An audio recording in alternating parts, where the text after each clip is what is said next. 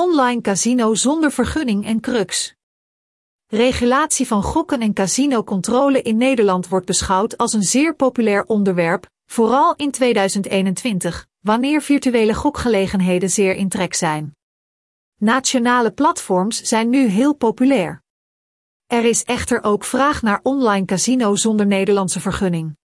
Het is niet officieel verboden om van hun diensten gebruik te maken, hoewel het de prioriteit van de regering is om ideale omstandigheden voor gokkers te creëren op nationale gokplatforms. Op deze pagina zullen wij u vertellen over de topcasino's die geen KSA hebben en geen crux gebruiken. Onnodig te zeggen dat dergelijke seksinrichtingen aanbieden om op een illegale basis van de gokken te genieten. Casino's met een vergunning van Malta, Denemarken, Zweden worden beschouwd als vertrouwd en betrouwbaar. In dit overzicht zullen we proberen om de beste sites, uitsluitend legaal en gelicentieerd te markeren. Beste online casino's zonder Nederlandse vergunning. Wat is een casino zonder vergunning? Veel spelers zijn niet geïnteresseerd in de vraag of een casino legaal is of niet. Indien een gokgelegenheid echter zonder enige licentie werkzaam is, mag het helemaal niet als een potentiële verdienmogelijkheid worden beschouwd. Hoogstwaarschijnlijk gaat het om een fraudeleus internetproject dat reclame en enorme bonussen oplevert. Casino zonder vergunning in Nederland worden geblokkeerd en op de zwarte lijst geplaatst.